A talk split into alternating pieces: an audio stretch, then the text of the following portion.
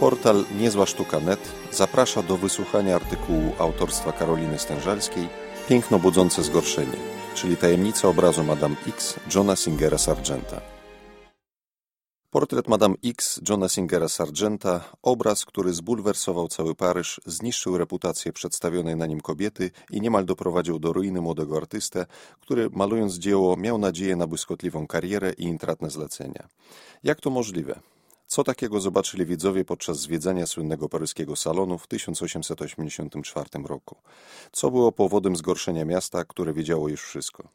Cóż, czasami niewiele trzeba, by wywołać skandal. W przypadku portretu Madame X wystarczyło jedynie cienkie ramionczko sukni zsunięte zalotnie z kobiecego ramienia. Obraz, nad którym amerykański malarz pracował wiele miesięcy, uznano za nieprzyzwoity, ohydny, wręcz odrażający. Taki werdykt, wydany zarówno przez krytyków, jak i oburzoną publiczność, zamknął młodemu, dobrze rokującemu malarzowi drogę do dalszej kariery w mieście światła, tak wówczas nazywano Paryż. To druzgocące niepowodzenie zmusiło go do wyjazdu do Londynu. Było też dla niego niemałym zaskoczeniem.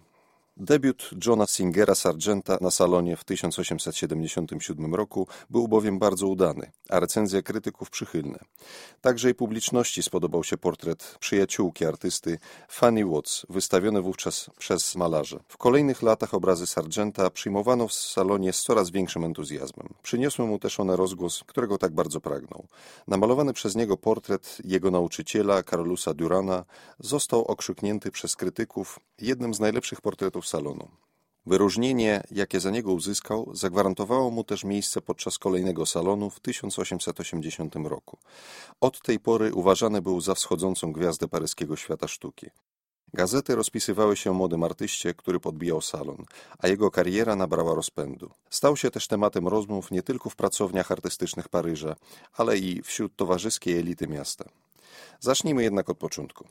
John Singer Sargent, z pochodzenia Amerykanin, przyszedł na świat 12 stycznia 1856 roku we Florencji. Jego rodzice kilka lat wcześniej przenieśli się do Europy, gdzie urodził się artysta i jego rodzeństwo. W 1874 roku John rozpoczął naukę malarstwa pod okiem Charlesa Emila Durana. Był bardzo utalentowanym uczniem. Doskonale opanował tradycyjne techniki malowania, jednak szybko odnalazł swoją własną drogę tworzenia, która, choć nie wszystkim przypadła do gustu, bo na przykład portret córek Edwarda Darleya Bois określono mianem czterech rogów i pustki, to pozwoliło mu szybko rozpocząć karierę artystyczną.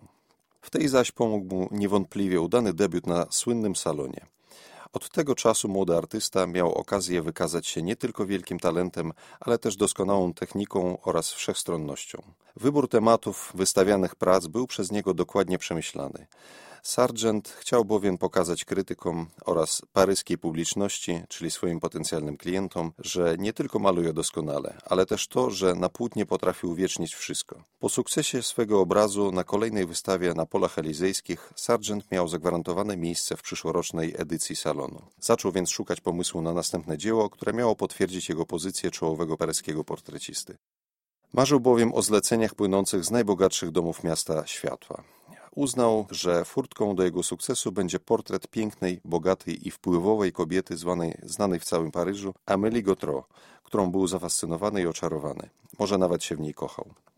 To właśnie ona, Virginie Amélie Avignon-Gautreau, zazwyczaj używała tylko drugiego imienia, młoda i piękna kreolka, urodzona 29 stycznia 1859 roku w Nowym Orleanie, jest bohaterką słynnego portretu Sargenta. Jej ojciec zginął w 1862 roku w bitwie pod Shailon, a kilka lat później zmarł także jej młodszy brat. W wieku 8 lat Amélie wraz z matką zamieszkała w Paryżu, gdzie pozostała do końca życia. Gdy jako nastolatkę wprowadzono ją do towarzystwa, Paryż ją pokochał.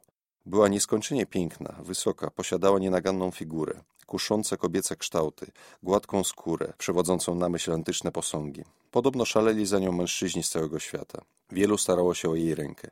Wśród nich był także ponad dwa razy od niej starszy, bogaty paryski bankier Pierre-Louis Gautreau, którego poślubiła w wieku 19 lat. Jako jego żona mogła sobie pozwolić na wszystko. Najlepsze kosmetyki, drogie stroje prosto z atelier najlepszych projektantów mody. W połączeniu ze znakomitym gustem pozwalało jej to błyszczeć w towarzystwie, urzekać otoczenie, w którym się pojawiała. A pojawiała się praktycznie wszędzie, gdzie warto było się pokazać. Bywała w operze, na balach, przyjęciach, herbatkach, kolacjach i innych spotkaniach towarzyskich. Zawsze wzbudzając zainteresowanie nie tylko przedstawicieli jej warstwy społecznej, ale także zwykłych Paryżan. Każdy chciał ją zobaczyć, każdy był ciekaw jej słynnej urody. Pisano o niej w prasie, komentując jej stroje i toaletę, w tym słynny lawendowy odcień skóry, który uzyskiwała za pomocą specjalnego proszku. Dopracowany wizerunek Amelie inspirował artystów, zarówno malarzy, jak i rzeźbiarzy, którzy zasypywali ją prośbami o pozowanie, analizowali jej wizerunek, czy też rozpisywali się w swoich dziennikach na temat urody i wyjątkowości tej kobiety. Wizerunek ten stanowił też wyraz kosmopolitycznego Paryża z czasów Belle Époque. Zarówno w przypadku Johna Sargenta, jak i Amélie Gautreau można powiedzieć, że portret Madame X to obraz, który diametralnie zmienił ich życie. Amélie była 23-letnią, świeżo upieczoną mężatką, kiedy w domu swego ginekologa i podobno kochanka Samuela Jeana Pociego spotkała Johna Singera Sargenta, rozpoczynającego karierę malarza amerykańskiego pochodzenia. Gdy ten ją zobaczył, od razu zapragnął, by pozowała mu do portretu. Tego portretu, który miał otworzyć mu drzwi do wielkiej kariery artystycznej. Amélie, świadoma jak duże znaczenie może mieć portret dla osoby jej pokroju, początkowo się nie zgodziła. W Paryżu było zresztą wielu bardziej znanych i poważanych portrecistów, spośród których prawdopodobnie każdy marzył o tym, by uwiecznić na płótnie piękność Gotro. Dopiero po długich staraniach, wielu prośbach i wstawiennictwie kilkorga wspólnych znajomych, m.in. Pociego, kobieta przystała na propozycję młodego artysty. Zachwycony malarz przystąpił do pracy. Po cichu marzył, że powtórzy historię, kiedy Edouard Manet swoim obrazem Olimpia wywołał wielkie poruszenie na salonie i tym samym dzieło to zapewniło mu sławę. Zaplanował najmniejszy szczegół swego dzieła. Wybrał płótno o ogromnych rozmiarach, około dwóch metrów na metr, by obraz nie został niezauważony pośród tysięcy innych prac wystawionych podczas trwania salonu. Posiadając dostęp do garderoby swojej modelki, wybrał dla niej kreację, w której miała pozować. Zdecydował się na bardziej szykowną i elegancką suknię wieczorową zaprojektowaną przez Felixa Poussineau. Kreacja ta miała spełnić dwa zadania. Po pierwsze podkreślać urodę i kobiece atuty Amelie, po drugie zaś umożliwić malarzowi wykazanie się zdolnościami i talentem. Przy okazji jej barwa posiadała pewną wartość symboliczną. Czerń bowiem uznano za oznakę uczciwości i skromności. Stąd też była kolorem noszonym przez kupców czy służących. Z drugiej zaś strony, u schyłku XIX wieku, kolor ten zaczęto uważać za oznakę niebezpiecznej seksualności. Strój, w którym miała pozować Amelie, ukazywał zatem jej dwa oblicza. Skromnej, statecznej żony i matki oraz czarującej, pełnej wdzięku i kokieterii młodej kobiety, świadomej swojej urody. Nad portretem Madame Gautreau Sargent pracował w jej letnim domu w Brytanii. Rozpoczął wstępne szkice, których powstało około 30. Okazywały one kobietę w różnorodnych pozach i zostały wykonane za pomocą różnych technik. Na jednym z nich, przechowywanym dziś w Harvard University Art Museum, piękna Amelie, wyczerpana wielogodzinnym pozowaniem, przedstawiona została na kanapie w pozycji półleżącej. Na innym zaś, również z Harvardzkiego Muzeum, Paryżanka siedzi na tej samej kanapie, przytrzymując dłonią plik kartek, które wydają się za chwilę zsunąć z jej kolan. Sargent, pochłonięty malowaniem pani Gotro, miał jednak trudności ze znalezieniem odpowiedniej pozy dla swojej modelki. W każdej bowiem pełna uroku Amelie wyglądała inaczej. W zależności od pory dnia, oświetlenia, zmieniał się kolor jej włosów, odcień skóry i spojrzenie. Niełatwo było oddać na płótnie jej niezwykłą urodę. Wiele trudności sprawiło też namalowanie jej alabastrowej cery, która skontrastowana z czernią sukni prezentowała się zbyt blado, niemalże trupio. W dodatku pani Gotro była niezwykle kapryśna i trudna we współpracy. Nudziło ją wielogodzinne pozowanie. Musiały minąć długie miesiące, zanim Sargent wybrał odpowiednią pozycję dla swej muzy. Strasznie zresztą niewygodną, z jedną ręką opartą o niewielki stolik, nieco zbyt niski, by wesprzeć się na nim wygodnie, a także z odwróconą głową, by ukazać piękny profil i długą szyję. A samo dzieło przybrało ostateczny kształt. Obraz został wreszcie ukończony w 1884 roku. Wtedy też Sargent wystawił go podczas kolejnej edycji salonu. Był przekonany o wyjątkowości swojego dzieła, które miało oczarować widzów. Tak się jednak nie stało. Mało kto wie, że namalowana na salon wersja słynnego płótna różni się nieco od tej, którą znamy dziś z wystawy w nowojorskim Metropolitan Museum of Art. Początkowo bowiem Sargent namalował Madame Gautreau z ramionczkiem jej sukni zsuwającym się zalotnie z jej nagiego ramienia w taki sposób, jakby za chwilę i sama suknia miała opaść, odsłaniając pierś damy. To właśnie ten niewielki detal stroju był przyczyną wielkiego skandalu, jaki wybuchł podczas słynnej wystawy w 1884 roku. Paryska publiczność, tak przecież otwarta na różne, czasem niewybredne rozrywki, jak choćby oglądanie w kostnicy ciał zamordowanych osób, czy wizyty w domach publicznych, od których roiło się w mieście, uznała obraz za gorszący, prowokujący, wulgarny. Praca Sargenta okazała się tym bardziej oburzająca, że modelką była kobieta należąca do towarzyskiej elity. Zarówno widzom, jak i krytykom nie podobała się też obcisła suknia pani Gotro, tak bardzo przylegająca do ciała, że nasuwać się mogła myśl, że nie ma pod nią halki.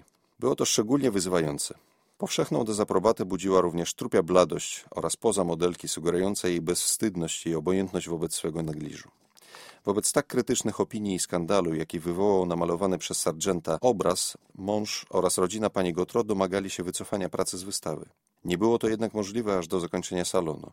Dopiero wtedy autor portretu mógł go zabrać do swojej pracowni, gdzie przemalował płótno, umieszczając feralne ramionczko na swoim miejscu. Na niewiele się to jednak zdało. Jako winowajca skandalu Sargent zmuszony został do opuszczenia miasta światła, którym był skompromitowany i nie mógł liczyć na żadne zlecenia. Na miejsce swojego zamieszkania wybrał Londyn. Zabrał ze sobą obraz, który trzymał pod kluczem w swojej pracowni przez wiele lat. W efekcie skandalu wokół portretu Madame X, Amélie Gautreau nie tylko stała się obiektem kpin całego Paryża, ale też bezpowrotnie utraciła swoją pozycję w wyższych sferach miasta. I choć w końcu na zawsze wycofała się z życia towarzyskiego, wcześniej robiła wszystko, by jak dawniej brylować na salonach. W wyniku tych starań w ciągu kilkunastu kolejnych lat powstało kilka portretów, które miały sprawić, że ludzie zapomną o tym namalowanym przez Sargenta i o wywołanym przezeń skandalu. Plan się wprawdzie nie powiódł, jednak do dziś możemy podziwiać różne wizerunki Madame X. Jednym z nich jest wystawiany dziś przez Muzeum d'Orsay w Paryżu obraz Gustawa Courtois, przedstawiający panią Gautreau w białej, zwiewnej sukni z opadającym ramionczkiem. I choć artyście znakomicie udało się uchwycić urodę swojej modelki pozującej z profilu w luźno spiętym koku, to niestety portret nie wzbudził większego zainteresowania podczas salonu w 1891 roku, na którym został wystawiony. Amélie zapragnęła więc kolejnego płótna. Tym razem portret Paryżanki namalował Antonio de la Gandara. Znajdujący się dziś w prywatnych rękach obraz ukazuje 38-letnią wówczas kobietę w białej sukni, odkrywającej ramiona i plecy. Modelka wyglądała tu niezwykle kobieco, romantycznie i subtelnie. Wart przypomnienie jest także inny portret Madame Gautreau namalowany przez samego Sargenta w 1883 roku, w tym samym czasie, w którym powstawał słynny obraz Madame X. Na tym niewielkim płótnie zatytułowanym Pani Gautreau wznosząca toast Amelie ukazana jest jakżeby inaczej, z profilu. Zafascynowany urodą Amélie artysta pokazał jej piękne, zmysłowe ciało w blasku świec, który łagodzi jej rysy. Ten jeden z najpiękniejszych wizerunków pani Gautreau znajduje się dziś w Gardner Museum w Bostonie. Jednakże chyba najbardziej zaskakującym obrazem przedstawiającym Amélie Gautreau jest niedokończona kopia portretu Madame X, wystawiana dziś w londyńskiej Tate Gallery. Wykonał ją sam Sargent, prawdopodobnie niepokojąc się o stan oryginalnego płótna, które wielokrotnie przemalowywał, szukając najlepszego ujęcia swojej modelki.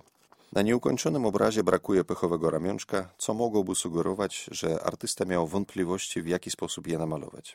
XX wiek przyniósł ponowne zainteresowanie obrazem Johna Singera Sargenta, na początku ubiegłego stulecia portret Madame X uznano za arcydzieło, które chętnie pokazywano na różnego rodzaju wystawach, a po każdej z nich obraz zyskiwał coraz większą popularność. W 1905 roku pracę Sargenta zaprezentowano w Carfax Gallery w Londynie. Publiczność mogła zobaczyć portret Amélie Gautreau po raz pierwszy od feralnego salonu z 1884 roku.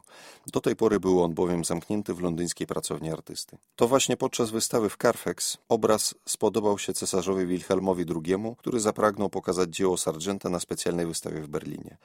Malarz przystał na tę propozycję dopiero w 1909 roku, kiedy to Madame X przewieziono do stolicy Prus. Obraz prezentowano także na wystawie we Włoszech w 1911 roku oraz San Francisco na międzynarodowej wystawie Panama Pacific w 1915.